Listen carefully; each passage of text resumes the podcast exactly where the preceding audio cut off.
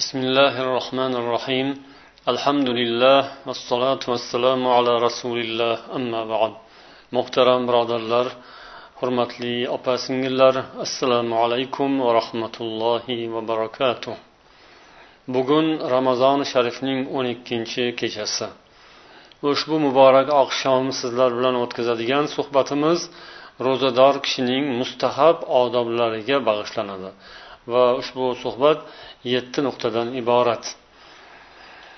Ya'ni bu odoblar ro'zador kishi rioya qilishi kerak bo'lgan odoblar yettita odobdan iborat. Ehtimol bu ko'proq bo'lishi ham mumkin lekin insonning zehniga darhol keladigan va unga ko'proq ro'baro bo'ladigan odoblar yoki masalalar mana shulardan iborat. Biz o'tgan safargi suhbatimizda ro'zador odamning vojib odoblari haqida so'z yuritdik. Ya'ni vojib qilinishi lozim bo'lgan amallar. Agar o'sha ishlarni qilinmasa gunoh bo'ladi. Ammo mustahab odoblari esa bu qilgan odamga inshaalloh ko'p savoblar bo'lishiga sabab bo'ladi. Qilmagan odam gunohkor bo'lmasligi mumkin. Gunohkor bo'lmaydi lekin u ko'pgina savoblardan mahrum. Bo'lib qoladi. Va buning ustiga agar mana shunday mustahablarni ketma ket qilmasdan yurishga odatlanib qolsa unda gunohkor bo'lishi ham aniqroq bo'lib qoladi. Demak bu odoblarning birinchisi avval bir qator aytib o'tamiz. Birinchisi saharlikka turish va uni tongga yaqinlashtirish. Ikkinchisi iftorlikni tezlatish. Uchinchisi ro'za paytida va og'iz ochish vaqtida duolar qilish. To'rtinchisi misvok ishlatish beshinchisi saxovatli bo'lish oltinchisi qur'on tilovatini ko'paytirish yettinchisi oxirgi o'n kunlikda ibodatni ko'paytirish. Demak birinchisi saharlikka turish haqida. Saharlik ma'lumki payg'ambarimiz sollallohu alayhi vasallam targ'ib qilgan xayrli yaxshi amal. Tasahharu fa inna suhura barakatun deganlar rasululloh sollallohu alayhi vasallam buxoriy va muslim rivoyatlarida. Saharlik qilingiz chunki saharlik qilish barakadir dedilar. Darhaqiqat bu xayrli amal yaxshi odat bunda baraka bor. Payg'ambar alayhissalom buni al g'izaul muborak deb ham aytganlar nasaiy rivoyatlarida ya'ni muborak g'azodir. Ya'ni muborak hmm, tanovul muborak taom ya'ni barakali taom deyilgani saharlikda yeyilgan ovqat insonning ertangi kuni uchun ollohning irodasi bilan quvvat bo'lishga va inson o'sha kunini yaxshi o'tkazishga sabab bo'ladi. Sahar saharlik qilgan odam kunduzi o'zini yaxshi tutib yuradi va ibodatni chiroyli o'tkazadi. Ammo saharlik qilmasdan ro'za tutadigan bo'lsa o'tar ro'za deydilar. Bu inson uchun og'irroq bo'ladi va unda ibodatning halovati ham biroz ketib qoladi.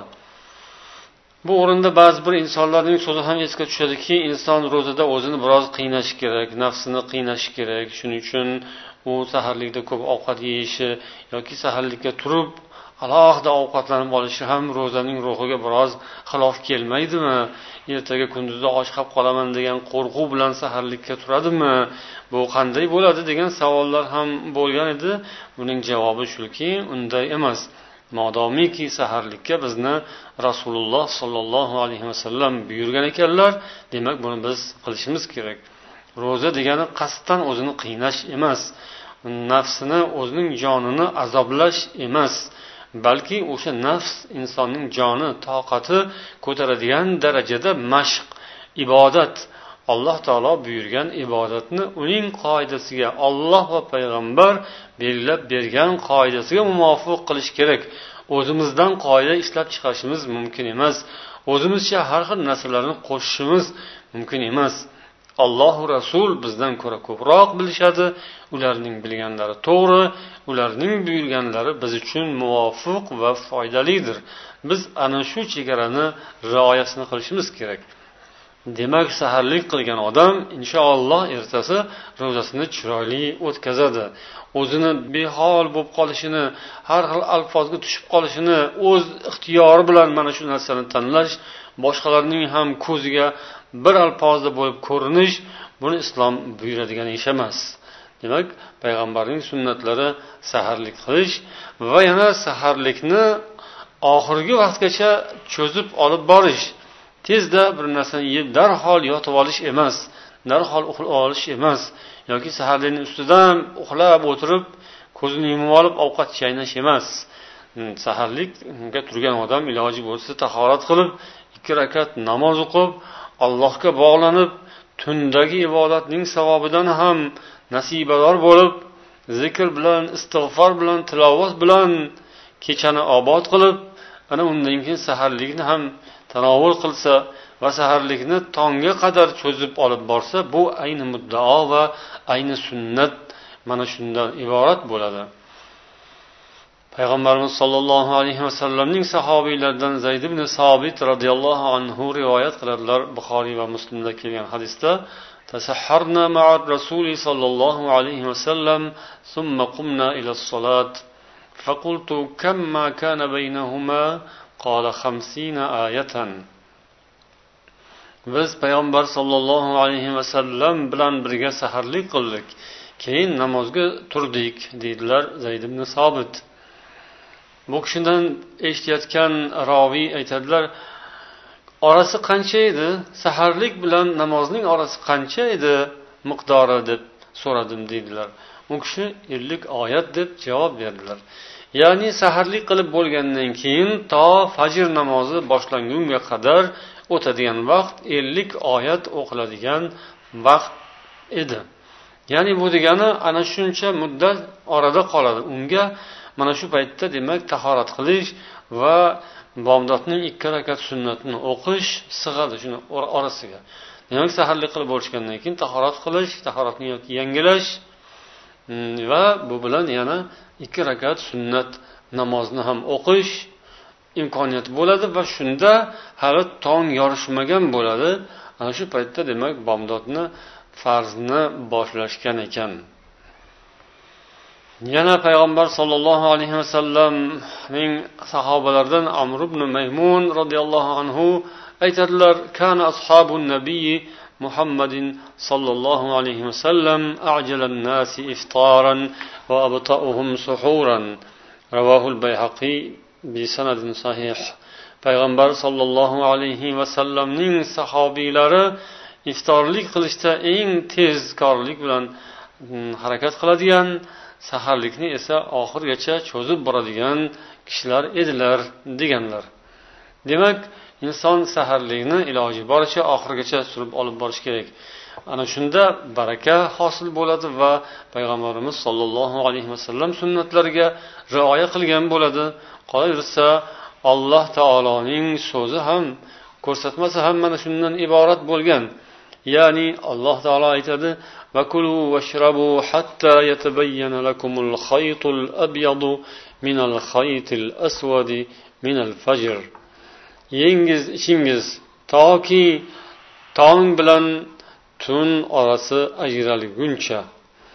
deb alloh taolo baqara surasining bir yuz sakson yettinchi oyatida marhamat qilgan. Demak saharlikni iloji boricha uzunroq qilish sunnat ekan. Ikkinchi odob ya'ni ro'zador kishi rioya qilishi mumkin yoki lozim bo'lgan afzal savobli bo'lgan mustahab odoblarning ikkinchisi iftorlikni tezlatish. La nasu bi khayrin ma ajjalul fitra dedilar payg'ambar sollallohu alayhi vasallam buxoriy va muslim hadislarida. Ya'ni odamlar modomiki iftorni o'z vaqtida tez qilar ekanlar yaxshilikdan aslo ajralmaydilar. Demak insonlar yaxshilik ustida davom etadilar iftorlikni o'z vaqtida qilsalar. Bu degani demak tartib ham intizom ham. Inson iftorlik vaqti bo'ldimi kechiktirmasdan boshqa narsalarga alahsirab yurmasdan o'z vaqtida iftorlikni qilgani o'zi uchun ham boshqalar uchun ham farzandlari uchun ham avlodir. Iftorga yaqinlashayotgan mahalda inson hushyor bo'lishi kerak. Demak iftorlik vaqtiga tayyorgarlik ko'rish kerak. Ammo ba'zida shunday holatlarga ham duch kelasizki iftor vaqti kelguncha beparvo o'tiraveradilar yoki yuraveradilar. Nimadir ishlar bilan mashg'ul bo'lib erkaklar kompyuter ustiga yotib olgandek o'tirishadi ba'zida. Ayollar ham nimadir ermak topib olib yoki uxlab yotishadi. Bolalar och yoki ko'chada o'ynab yurishaveradi. Shom paytida ham uyga kirsa ovqat tayyor emasligini bilishadi. Bu yaxshi odat emas. Bu ba'zi joylarda shunaqa uchrab turadi lekin albatta hamma yerda emas. Ommatan musulmonlar ko'pchilik musulmonlar iftorlikni yaxshi tayyorgarlik bilan kutadilar. Farzandlarini ham bunga o'rgatadilar. Iftorlikka hammalar barobar tayyorgarlik ko'rishadi. Kimdir idishlarni yuvgan dasturxon solgan yana kimdir ovqat tayyorlagan. Demak hamma bola chaqa farzandlar bilan bunga chiroyli tayyorgarlik ko'rib tartib bilan sabr bilan va odob bilan dasturxon atrofida o'tirib duolarni qilib turishadi chiroyli so'zlardan gapirib bir birlariga amr ma'ruf nasihatlarni qilishadi yaxshi tilaklarini bildirishadi ramazon odoblari va farzu vojiblaridan gapirib ta'lim tarbiya ishlarini mana shu paytda ham amalga oshirishadi. Ana undan keyin iftorlik vaqti bo'lishi bilanoq darhol og'izni ochadilar. Bu qanday yaxshi odat.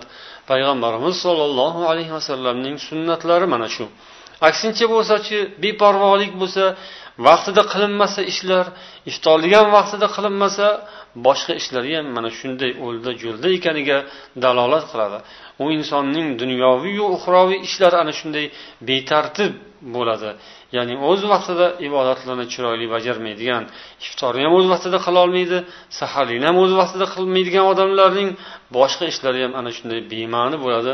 Olloh asrasin. Bu ibodatlar bizni chiroyli tartibga solib qo'yadi bizni yaxshi odobga yaxshi xulqli insonlar bo'lishimizga yordam beradi payg'ambarimiz sollallohu alayhi vasallam og'iz ochgan paytlarida bir necha dona hul xurmo bilan og'iz ochishlari rivoyat qilingan كان رسول الله صلى الله عليه وسلم يفطر على رطبات قبل أن يصلي abu dovud hokim va termiziylar rivoyat qilgan hadisda aytadilar ya'ni anas roziyallohu anhu hikoya qiladilar. Payg'ambar sollallohu alayhi vasallam namoz o'qishdan oldin bir necha dona ho'l xurmo bilan og'izlarini ochardilar.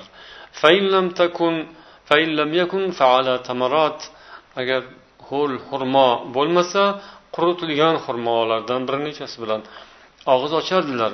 Agar u ham bo'lmasa unda bir necha ho'plam suv bilan og'iz ochardilar deb aytganlar. Demak namoz o'qishdan oldin og'izni ochish lozim. Namoz biroz kechga surilsa zarari yo'q. Balkim sunnat shu oldin og'iz ochiladi biroz tamaddi qilib iftorlik qilinadi keyin namozga turiladi. Yoki og'iz ochib bo'lgandan keyinoq namozni o'qib olish mumkin. Shom namozini demak jamoat bilan o'qiladi. Keyin iftorlik yana davom ettiriladi. Bu ro'zador odam uchun odoblardan ikkinchisi bo'ldi. Endi uchinchisi ro'za paytida va og'iz ochish vaqtida duolar qilish. Biz oldingi suhbatlarimizdan ham bildikki inson ro'zador paytida va og'iz ochish yaqinlashgan mahalda ayniqsa duolari qabul bo'ladigan imkoniyatlarga ega bo'ladi. Alloh taolo bandasining duolarini qabul etadigan qulay fursat bu. Alloh bandasiga mehribonki har xil holatlarni har xil fursat har xil qulay fursatlarni olloh yaratib bandasiga ato qilganki bandam mana shu holat mana shu fursatlarda shu vaqtda mana shu falon muddat ichida siz duo qiling o'sha paytlarda duoyingizni qabul qilaman degan Hmm, ya'ni mana shunday ma'nolarni bizga alloh taolo uqtirgan. Demak biz o'sha imkoniyatlardan foydalanib qolishimiz kerak.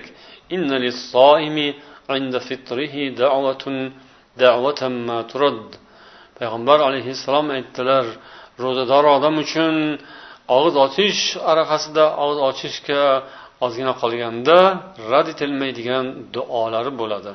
Ya'ni olloh unga rad etilmaydigan duo imkoniyatini bergan.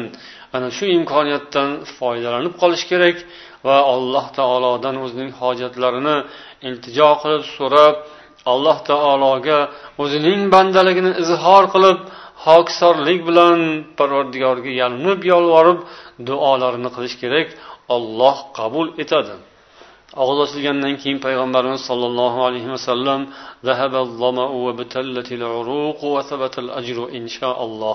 deb qo'yardilar. Ya'ni tashnalik ketdi tomirlar ho'llandi ajr inshaalloh sobit bo'ldi der edilar ya'ni bu inson ro'zasini olloh huzurida inshaalloh maqbul bo'lganiga umid bildirish va allohning ajrlaridan o'zi umid qilayotganligini namoyon etib bandalikni izhor qilib qo'yish mana shu tarzda bo'ladi. Demak duo qilishning hikmatlari juda ham ko'p. Duo insonni kamtarlikka o'rgatadi. Alloh huzurida o'zini hokisor tutishga o'rgatadi. Alloh huzurida ana shunday hokisor bo'lgan kamtar bo'lgan insonlar odamlarga ham nisbatan kamtarlik qiladilar. Ular ollohga ham yaqin bo'ladilar odamlarga ham yaqin bo'ladilar. Ularning iymonlari ziyoda bo'ladi. Ularning xulqlari chiroyli bo'ladi. Ularni olloh ham odamlar ham yaxshi ko'rishadi. Demak bu ro'zaning foydalari hikmatlari juda ham ko'p. Demak ro'za paytida inson amal qilishi kerak bo'lgan mustahab odamlar odoblarning uchinchisi ro'za paytida va iftorlik yaqinlashgan mahalda og'iz ochgan paytda allohga duo qilish zikrlarni esdan chiqarmaslik. Endi to'rtinchi odob misvok ishlatish. Misvok ya'ni tishlarni maxsus cho'p bilan tozalab yurish tishlarni toza pokiza saqlash bu payg'ambarimiz sollallohu alayhi vasallamning sunnatlari. Boshqa vaqtlarda ham bunga rioya qilish mm, talab qilinadi tavsiya qilinadi savoblar va'da qilinadi. Ro'zador odamga ham ro'za asnosida kunduzlari misvok ishlatish yaxshi fazilat. Og'iz ochgan paytda ham namozlardan avval ham tahorat paytida ham misvok qilish bu insonga ko'p foyda keltiradi. Payg'ambarning sunnatlariga rioya qilgan bo'ladi uning tishlari sog'lom bo'ladi og'zidan har xil badbo'y hidlar daf bo'ladi. Demak inson mana shunday holatda bo'lishi kerak ya'ni har xil hidlar kelishi kerak emas tishlari doim toza bo'lishi kerak tishlari toza pokiza bo'lsa uning ichiga kiradigan taomlar ham demak pokiza toza holatda kiradi. Sog'lig'i saqlanishiga o'zi harakat qilgan bo'ladi. Alloh taoloning marhamati bu. Beshinchi odob saxovatli bo'lish. Ramazon oyi alloh taoloning saxovatiga payg'ambarimiz va yaxshi odamlarning saxovatlariga namoyon shunday bir imkon ko'rinadigan bir imkon. Allohu rasuli va sahiy odamlarning fazilatlari yaxshiliklari namoyon bo'ladigan barchaga oshkor bo'ladigan ma'lum bo'ladigan ajoyib bir mavsum. Bunda parvardigori olamning saxovatiga guvoh bo'lamiz. Uning mag'firatu rahmatlari yog'iladi bu haqda payg'ambarimiz sollallohu alayhi vasallamning xabarlarini o'qiymiz. Allohning qur'oni karimda qilgan va'dalari bilan tanishamiz va bundan ko'p bahramand bo'lamiz va ana shu va'dalarga ishonganimiz holda ibodatlarimizni ko'paytiramiz. Allohning saxovatini biz har kuni hayotimizda har nafasimizda his qilamiz. Robbil olaminning saxiyligi tufayli biz bu dunyoda bormiz va hayot kechiryapmiz va bu nozi ne'matlardan foydalanyapmiz. Alloh shuncha ne'matlarni bepulga yaratib bergan bizga. O'zimizdan biror bir harakat bo'lmasdan la havla va la quvvata biror bir harakat biror bir quvvatsiz biz shuncha ne'matlarga musharraf bo'ldik. Alloh bizga mana shuncha marhamatlarni bu olamdagi ne'matlarni ham zohiriyu ham botiniy ne'matlarini islom iymon ne'matiyu mana bunday moddiy nozi ne'matlarni olloh bizga ato qildi. Bunday ulug' zot bunday saxiy zotga hech kim barobar kela olmaydi hech kim tenglasha olmaydi. Allohning rasuli payg'ambar sollallohu alayhi vasallam ham ollohdan ibrat olib u kishining ham saxovatlari jo'sh uradi ayniqsa. Mana shu ramazonda u kishining saxovatlari nihoyatda ko'payar edi. U kishi allohu payg'ambar allohu uning rasuli jabroil alayhissalomdan qabul qilgan nasihatlari qur'on allohning so'zlari ana shuning ta'sirida u kishini ham qo'llari nihoyatda ochiq bo'lardi. U kishining nihoyatda muomalalari chiroyli bo'lardi. Saxovatlari nihoyatda kengu mo'lu ko'l bo'lardi. Mo'minlar musulmonlar ham allohning bandalari saxiy zotning bandalari saxiy zot payg'ambar alayhissalomning ummatlari ana shu ikki zotdan ibrat olishlari kerak. Allohning sifatlaridan payg'ambarimiz sollallohu alayhi vasallamning chiroyli xulqlaridan biz ibrat olishimiz kerak. Agar qaysi bir inson o'zini saxiylar qatorida deb bilolmasa agar o'zini baxilligini sezsa unda marhamat ramazon oyida albatta nimadir sadaqa qilsin o'zidan baxillikni daf qilsin agar yo'q man saxiyman desa unda unda ham sadaqa qilsin. Marhamat saxiy bo'lsa muhtojlarni yo'qlasin qarzdorlarni qidirsin. Saxovat degani yana bu faqat miskinlarni holini yo'qlashning o'zigina emas. Avvalambor shirin so'zli bo'lish kerak. Bug'doy noning bo'lmasin bug'doy so'zing bo'lsin deyishadi. Yaxshi so'z ham bu ham saxovat. Agar hech bir narsa topa olmasa deganlar payg'ambar alayhissalom bir og'iz shirin so'z bilan bo'lsa ham inson sadaqa qilish kerak saxovatini namoyon qilish kerak.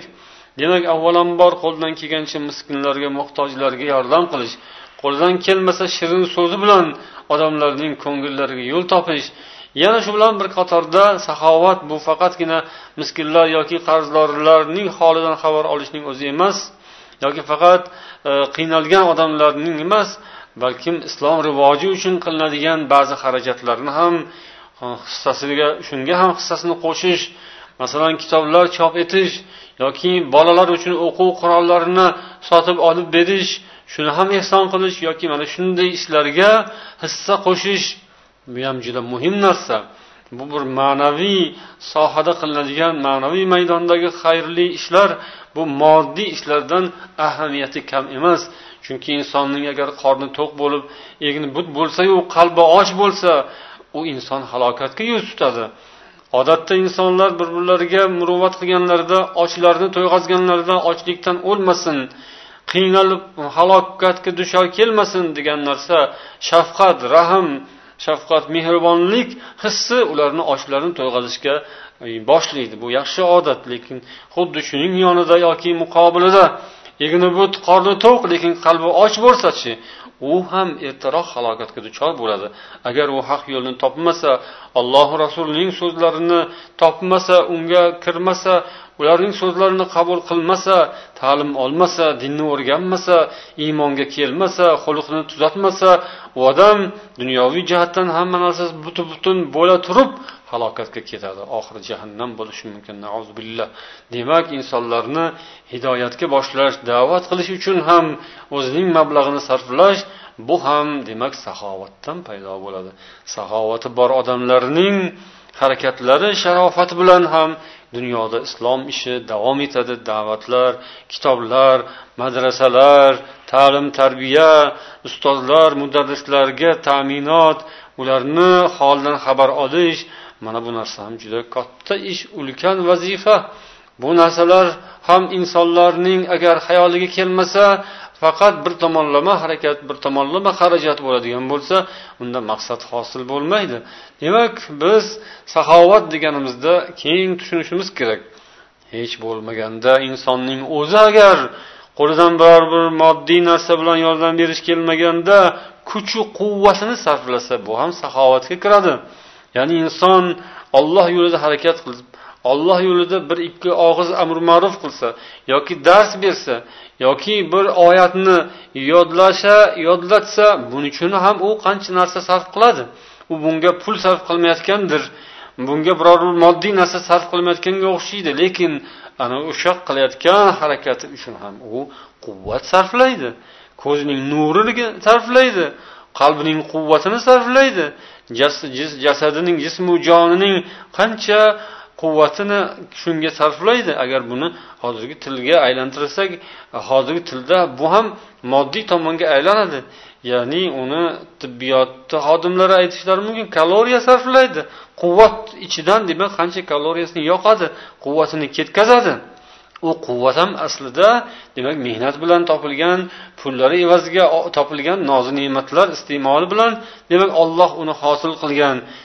Qaysi tomondan qarasangiz ham demak saxovat saxovatning turi ko'p demak siz harakatingiz so'zingiz ham hattoki saxovatga hisob bo'lishi mumkin. Agar siz yaxshi niyat qilsangiz qalbingiz ochiq bo'lsa ixlosingiz butun bo'lsa olloh yo'liga harakatingizni o'zingizni bag'ishlay olsangiz ham pulingiz bilan ham siz so'zingiz bilan ham olloh yo'liga sahiy saxovat bilan olloh yo'liga ehson qilishingiz mumkin va lozim zarur saxovatning mana shu hamma turlarini siz amalga oshirishingiz hammasini ishga solishingiz kerak bo'ladi.